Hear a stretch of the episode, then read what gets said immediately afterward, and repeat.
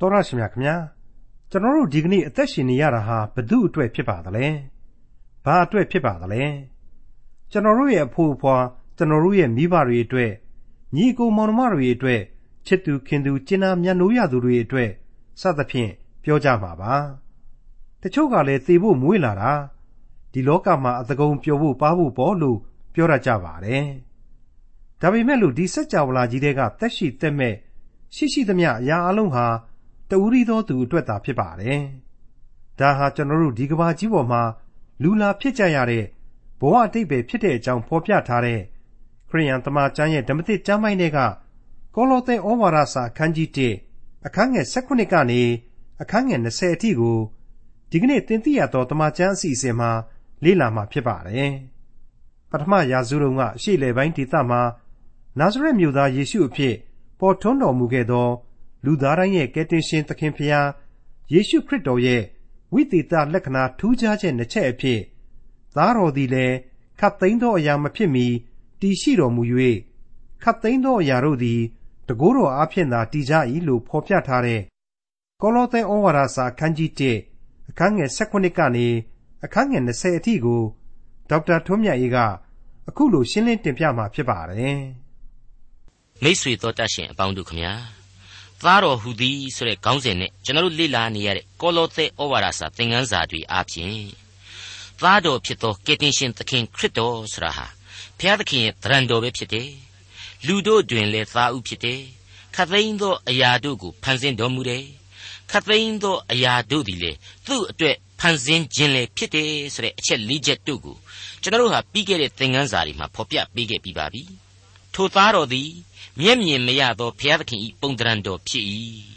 ဝိနည်းတတ္တဝအပေါင်းတို့တွင်လည်းသားဥဖြစ်တော်မူ၏အကြောင်းမူကားထိုသားတော်သည်ကောင်းကင်ပေါ်မြေကြီးပေါ်မှရှိသမျှသောယူပအရာအယူပအရာယာစပလင်ဖြစ်စေ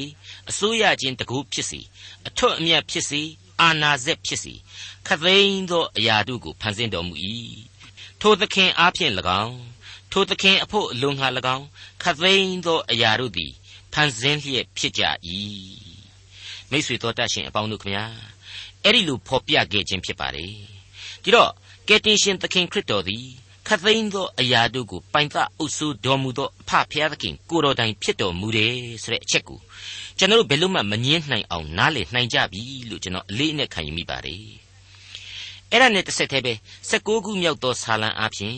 အငယ်1မှ4အတွင်းကတွေ့ရတဲ့အတိုင်းဘုရားသခင်ဤဘုန်းတော်ဟာဖန်ဆင်းရကောင်းကင်နဲ့မြေကြီးအရာတို့အားဖြင့်ဘုန်းတော်ထင်ရှားနေရတယ်ဒီဘုန်းတော်ထင်ရှားခြင်းဟာလေကျွန်တော်တို့ကိုကျေးဇူးပြုဖို့ရန်ထင်ရှားရတာပဲကျွန်တော်တို့သူ့ကိုယုံကြည်ကိုးကွယ်ရင်းနဲ့သူ့ကိုယုံကြည်ကိုးကွယ်မှုအားဖြင့်သူနဲ့အတူဘုန်းတော်ကိုဝင်စားစေခြင်းလို့သာလျှင်ဒီဘုန်းတော်ကိုဖော်ပြနေတာပဲဆိုပြီးတော့ကျွန်တော်အသေးစိတ်ဖော်ပြပေးခဲ့ပြီးပါပြီ သားတော်ဟူသည်ဆိုတဲ့ခေါင်းစဉ်အောက်မှာပဲကျွန်တော်တို့ဒီကနေ့ဆက်လက်လေ့လာဖို့အချက်တွေဟာလေအများကြီးရှိနေပါသေးတယ်။ကောလောသဲဩဝါဒစာရဲ့လာမယ့်သင်ခန်းစာတွေအားဖြင့်ဝိညာဉ်ခွန်အားများဆက်လက်ရယူနိုင်ကြပါစေလို့ဆုတောင်းရင်းနဲ့ဒီဒီကနေ့သင်ခန်းစာများကိုဆက်ကြပါအောင်စို့။ကောလောသဲဩဝါဒစာအခန်းကြီး1အငယ်16သားတော်သည်လည်းခတ်သိမ်းသောအရာမဖြစ်မီဖြစ်တော်မူ၍ခတ်သိမ်းသောအရာတို့သည်တကိုးတော်အားဖြင့်သာတည်ကြ၏ မနေ့တုန်းကအထိခရစ်တော်နဲ့သက်ဆိုင်တဲ့အချက်တွေဟာအစီအစဉ်၄ချက်တည်တည်ရှိခဲ့ကြောင်းကိုကျွန်တော်ဖော်ပြခဲ့ပြီးပါပြီဒီကနေ့အဖို့မှာတော့အမှတ်စဉ်၅အချက်အဖြစ်နဲ့ခရစ်တော်သည်ခတ်သိမ်းသောအရာတို့မဖြစ်မီဖြစ်တော်မူ၏ဆိုတာကိုဆက်လက်အဆိုတင်သွင်းပေးလိုက်ပါတယ်ဟုတ်ပါတယ်မိတ်ဆွေအပေါင်းတို့ဒါဟာကုံလုံးကျွဲဝခြင်းပြေဝစုံလင်ခြင်းဘယ်လိုပဲတုံတုံသုံးနိုင်တဲ့ဘုရားသခင်ရဲ့ဂုံတူးဝိသေသလက္ခဏာဖြစ်ပါတယ် ကယ်တင်ရှင်သခင်ခရစ်တော်ဟာလူစားတိကိုခံယူထားခြင်းမှာပြည့်ဝစုံလင်တယ်ဘုံတော်ဝင်စားခြင်းမှာလေဘုံတော်အပြည့်အဝအစုံအလင်းနဲ့ဝင်စားခဲ့ခြင်းဖြစ်ပါတယ်ဒါကိုကောလောသဲဩဝါဒစာအခန်းကြီး2အငယ်8ကနေ10အတွင်းမှာအခုလိုထပ်မံပြီးတော့ကျွန်တော်တို့တွေ့နိုင်ပါလိမ့်မယ်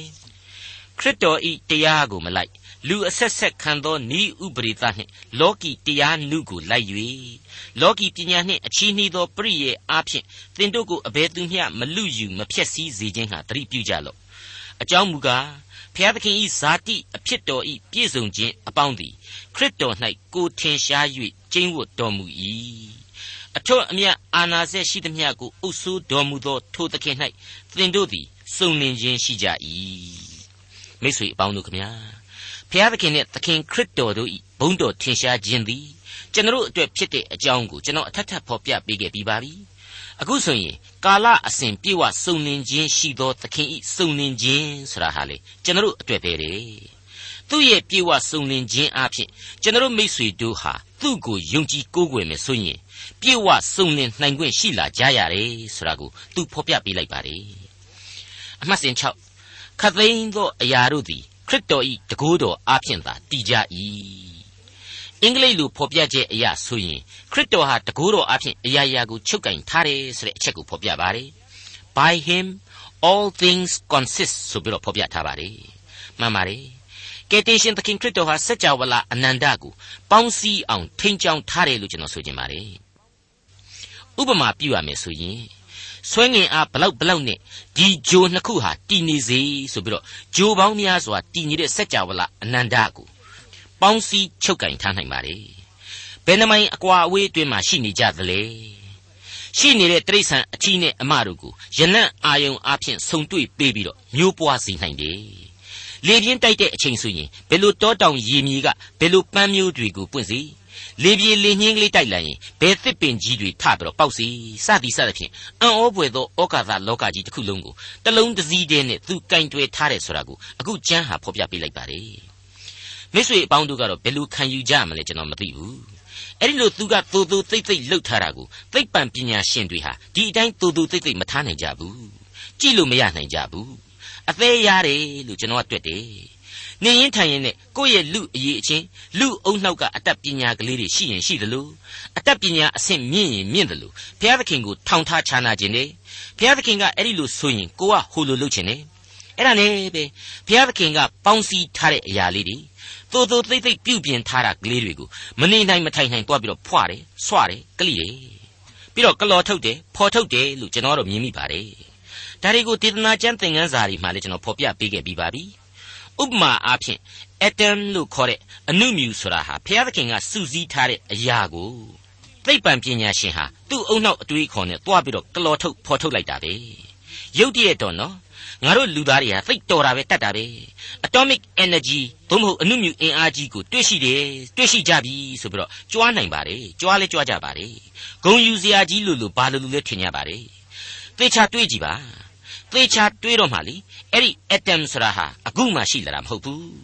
ကဘာတီကလေးကရုပ်လောကကိုဘုရားသခင်ဟာအဲ့ဒီ atom ကလေးတွေအပေါင်းနဲ့စုစည်းတိဆောက်ပေးခဲ့လို့သားလျှင်အဲ့ဒီအရှိတရားကလေးတွေကိုအခုလူသားဟာတွားရောက်ရှာဖွေတွေ့ရှိနိုင်တာပဲဆိုတာသိလာရပါတယ်အဲ့ဒီအတိုင်းပါပဲ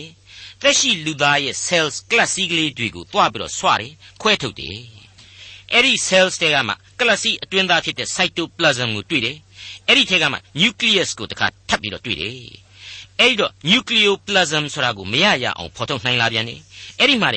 RNA တို့ DNA တို့ဆိုတဲ့ factors တွေကိုထပ်မံတွေ့မြင်တယ်အဲ့ဒီတိုင်းပဲအဲ့ဒီ cells အမြုပ်တွေတွေတဲက chromosomes လို့ခေါ်တဲ့အရာကလေးတွေထဲမှာမျိုးရိုးဗီဇကိုချုပ်ကင်တဲ့ factors တွေရှိတာကိုလည်းသိရောဝန်တာအားရနဲ့ကဘာတစ်ခုလုံးသိမ့်သိမ့်တုံသွားအောင်ကြင်ညာကြတယ်မျိုးရိုးဗီဇနိယာမကြီးကိုငါတို့တွေ့ပြီ မကြခင်ပြုတ်ပြင်ပြောင်းလဲပြီးတော့မယ်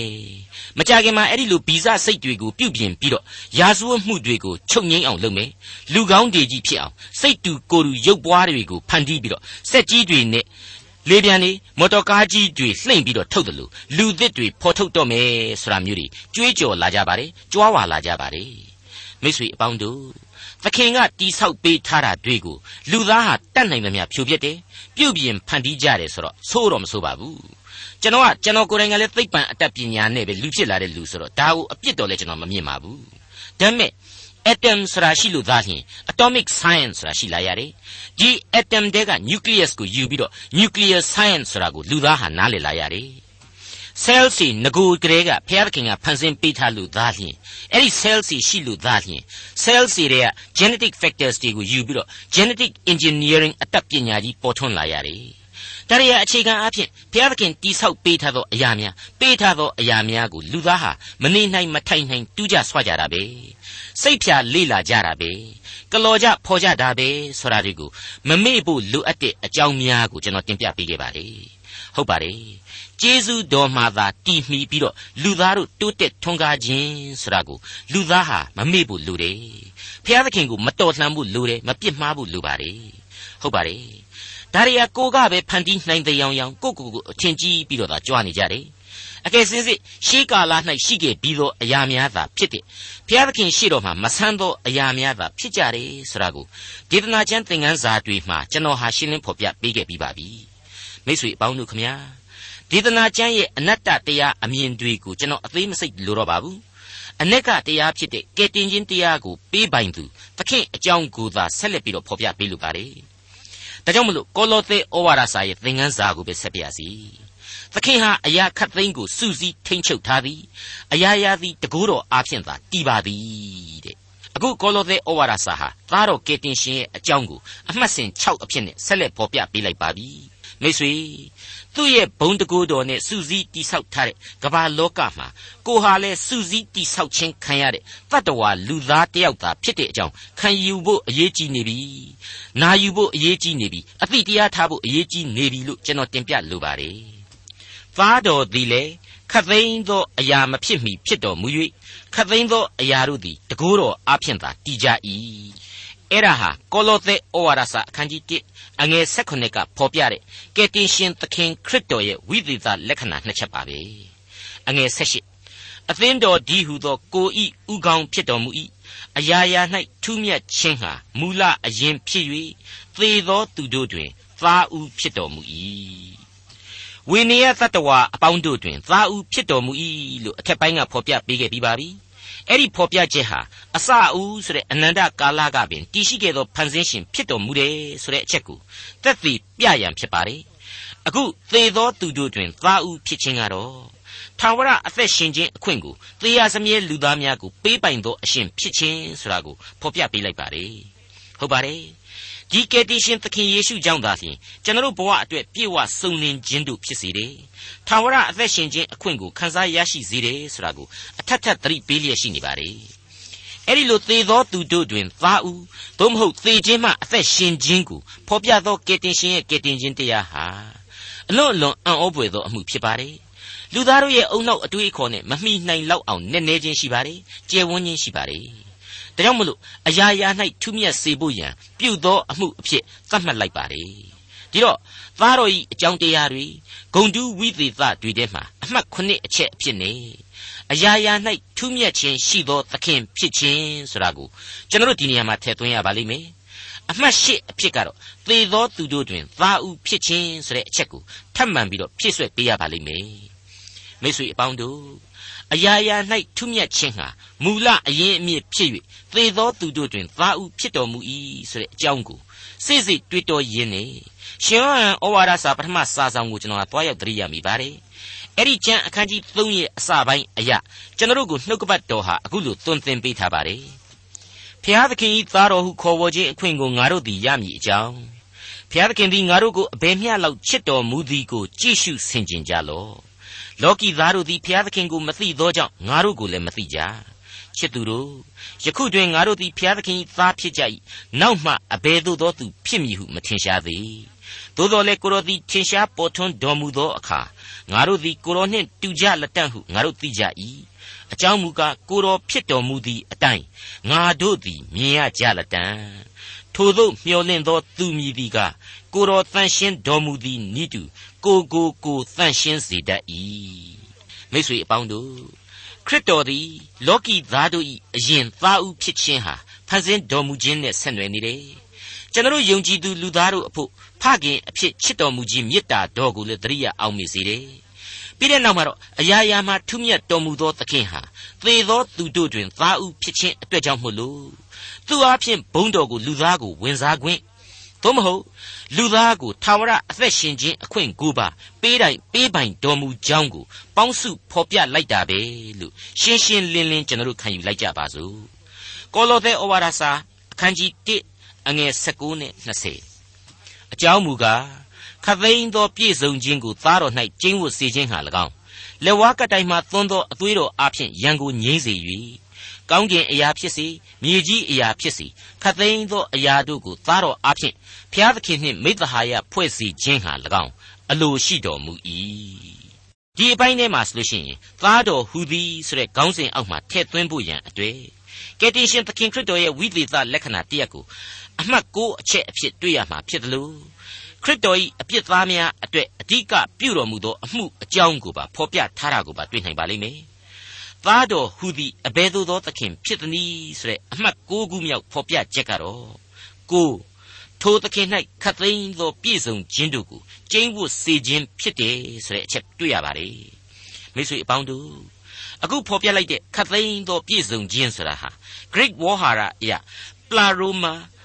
ဖိလိပ္ပိဩဝါဒစာမှာတော့ကတွေ့ရတဲ့ Greek နောက်ထပ်ဝေါ်ဟာရ kenosis စတဲ့ Greek ဝေါ်ဟာရတွေအဖြစ်ကျွန်တော်တို့တွေ့ရမှာဖြစ်ပါတယ်ခ ရစ်တော်ရဲ့အံ့ဩဖွယ်သောစိတ်သဘောတော်အဖြစ်တွေ့ခဲ့ရတဲ့ kenosis နဲ့ဆက်နွယ်ခြင်းရှိပါတယ်ဖိလိပ္ပိဩဝါဒစာအခန်းကြီး2အငယ်9ကနေ17ကိုပြန်ပြီးတော့ကြည့်စီခြင်းပါတယ်ယေရှုခရစ်၌ရှိသောထိုစိတ်သဘောကိုသင်တို့၌လည်းရှိစေကြလော့ ထိုသခင်သည်ဖျားသခင်၏သရံတော်နှင့်ပြည့်စုံတော်မူသည်ဖြစ်၍ဖျားသခင်နှင့်ပြိုင်သောအမှုကိုလူယူခြင်းအမှုဟု၍မထင်မမှတ်လျက်ပင်မိမိအသရေကိုစွန့်၍အစေခံကျွန်၏သရံကိုဆောင်ယူလျက်လူကဲ့သို့သောအဖြစ်၌ဖွားမြင်ခြင်းကိုခံတော်မူ၏ထိုသောလူဤဂုံအင်္ဂါလက္ခဏာနှင့်ပြည့်စုံလျက်အသေးခံခြင်းသာမဟုတ်လက်ဝါးကတိုင်မှအသေးခံခြင်းတိုင်အောင်အစေကျွန်ခံ၍ကိုကိုကိုနှိမ့်ချတော်မူ၏ ထိုကြောင့်ဘုရားသခင်သည်ကိုတော်ကိုအလွန်ချီးမြှောက်၍ဘွဲ့နာမတကားတို့တဲ့ကြီးမြတ်သောဘွဲ့နာမကိုပေးသနာတော်မူ၏အကြောင်းမူကားကောင်းကင်တတ္တဝါမြေကြီးတတ္တဝါမြေကြီးအောက်၌ရှိသောတတ္တဝါကြီးဟုသောခတ်သိမ်းသောတတ္တဝါတို့သည်ယေရှု၏ဘွဲ့နာမတော်ကိုဒူးထောက်၍ယေရှုခရစ်သည်သခင်ဖြစ်တော်မူ၏ဟုနှုတ်နှင့်ဝန်ခံသဖြင့်ခမည်းတော်ဖျား၏ဘုံအသရေတော်ကိုထင်ရှားစေကြမည်အကြောင်းဒီအဲ့ဒီလိုဖော်ပြထားတာကိုတွေ့နိုင်ပါတယ် မိတ်ဆွေမိမိရဲ့ကောင်းကင်ဘုံအသရေကိုစွန့်ပစ်ပြီးတော့လူစားတိကိုခံတဲ့အထိနှိမ်ချတော်မူတယ်ပြီးတဲ့နောက်ဆက်လက်ပြီးတော့လက်ဝါးကတိုင်တော်မူမှာလက်ဝါးကတိုင်တော်ပေါ်မှာအသေးခံတော်မူတဲ့အထိအစေခံကျွန်ကဲ့သို့နှိမ်ချတော်မူတယ်ဒီခါမှာတော့ဘုရားသခင်ဟာသူ့ကိုဘုန်းတော်ထင်ရှားစေ၍နာမတော်ကိုချီးမြှောက်ပေးတယ်ဒီနာမတော်ကိုဒုထောက်ပြတ်ဝတ်ခြင်းအပြင်လေလူသတ္တဝါကကယ်တင်ရှင်သခင်အဖြစ်နဲ့သူ့ကိုကိုးကွယ်စေတယ်ဆိုတဲ့အချက်တွေကိုဆက်ပြီးတွေ့ကြရပါတယ် ဒီအပိုင်းမှာကောင်းကင်ဘုံအသရေတော်ကို तू စွန့်တယ်ဆိုတာဟာသူဟာ तू စွန့်လို့သာရတာဘယ်သူမှယာရုကနေချလို့ရတာမျိုးမဟုတ်ဒီဘုံအသရေတော်ဆိုတာကိုလူသားကလူအချင်းချင်း promotion ပေးတာမျိုးလို့လုပ်လို့မရနိုင်တယ်လို့တစိမ့်တွေဆွဲဖြုတ်ပစ်ပြီးယာရုချတာမျိုးလည်းလုပ်လို့ရတာမျိုးမဟုတ်ဘူး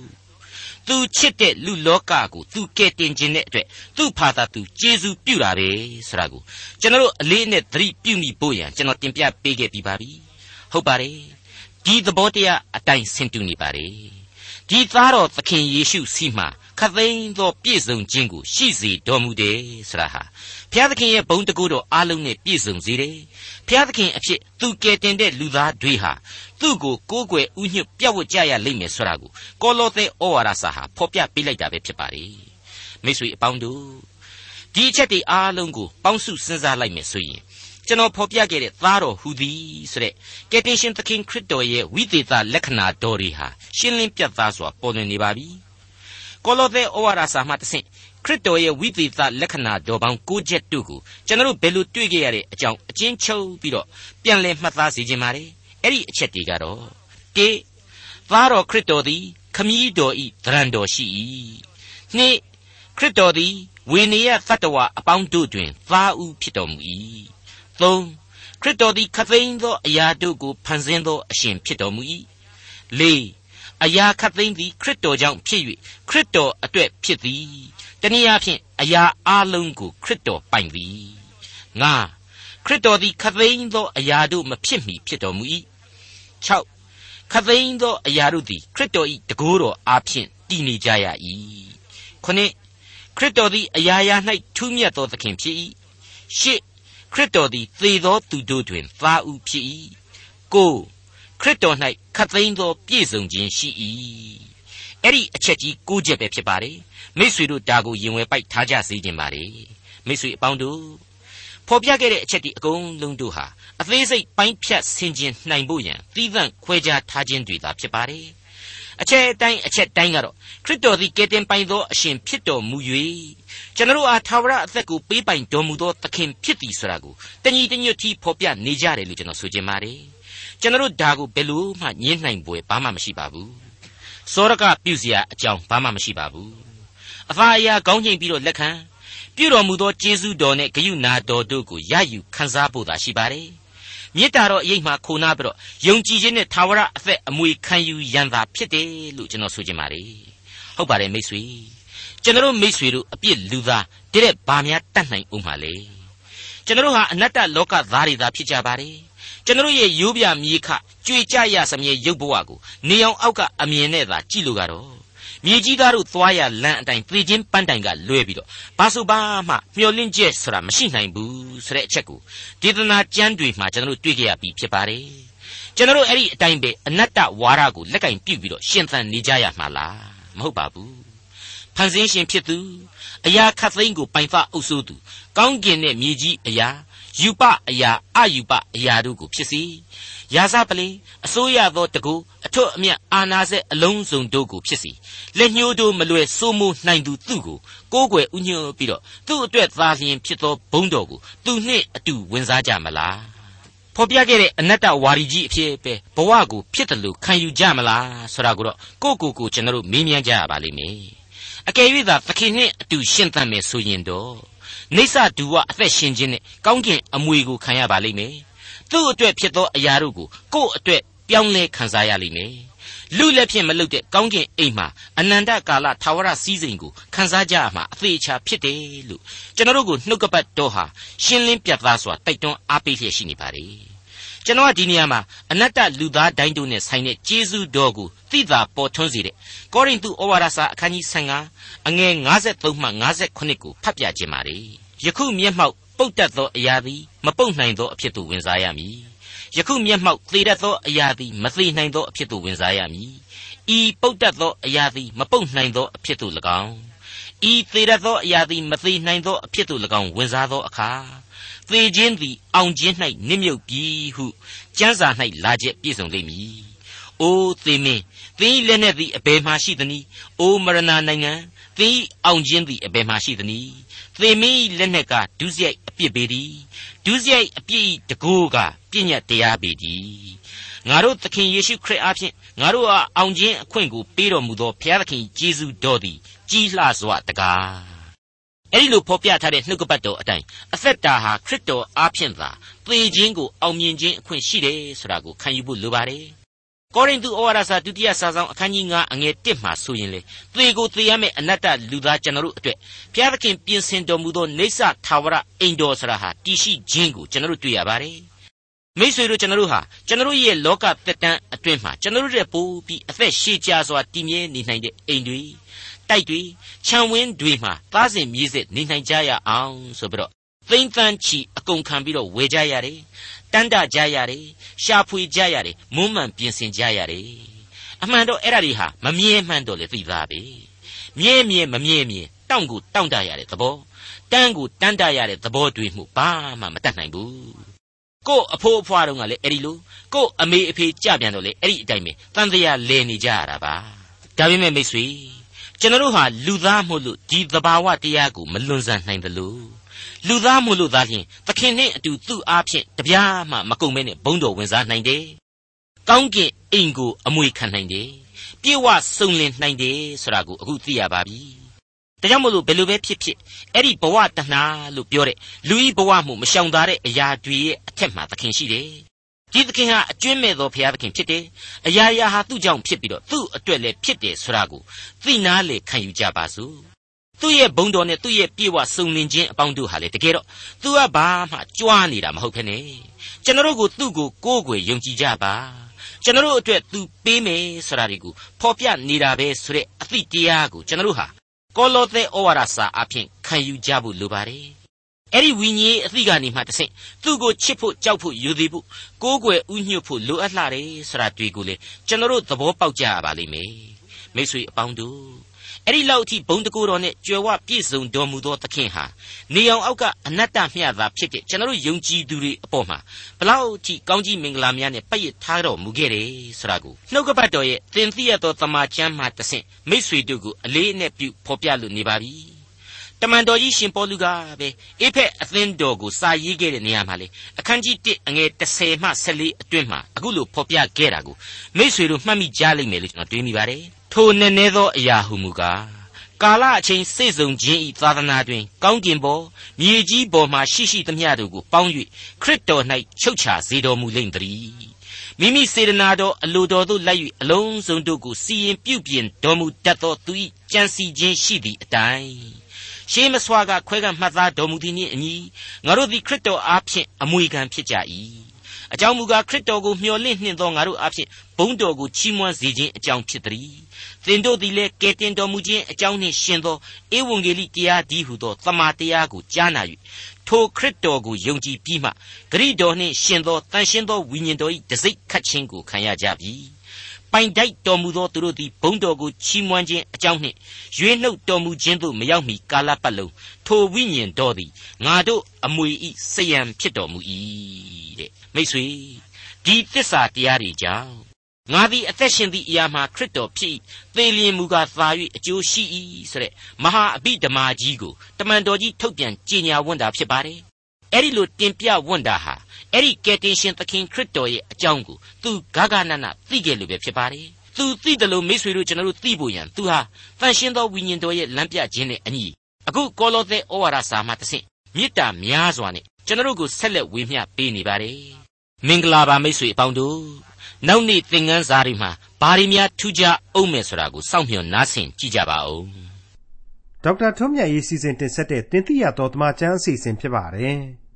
နောက်တစ်ချိန်အစီအစဉ်မှာခရိယန်တမချန်းရဲ့ဓမ္မသစ်ကျမ်းပိုင်းတွေကကောလောသဲဩဝါဒစာခန်းကြီး1အခန်းငယ်21ကနေအခန်းငယ်23အထိကိုလေ့လာမှဖြစ်တဲ့အတွက်စောင့်မျှော်နားဆင်နိုင်ပါတယ်။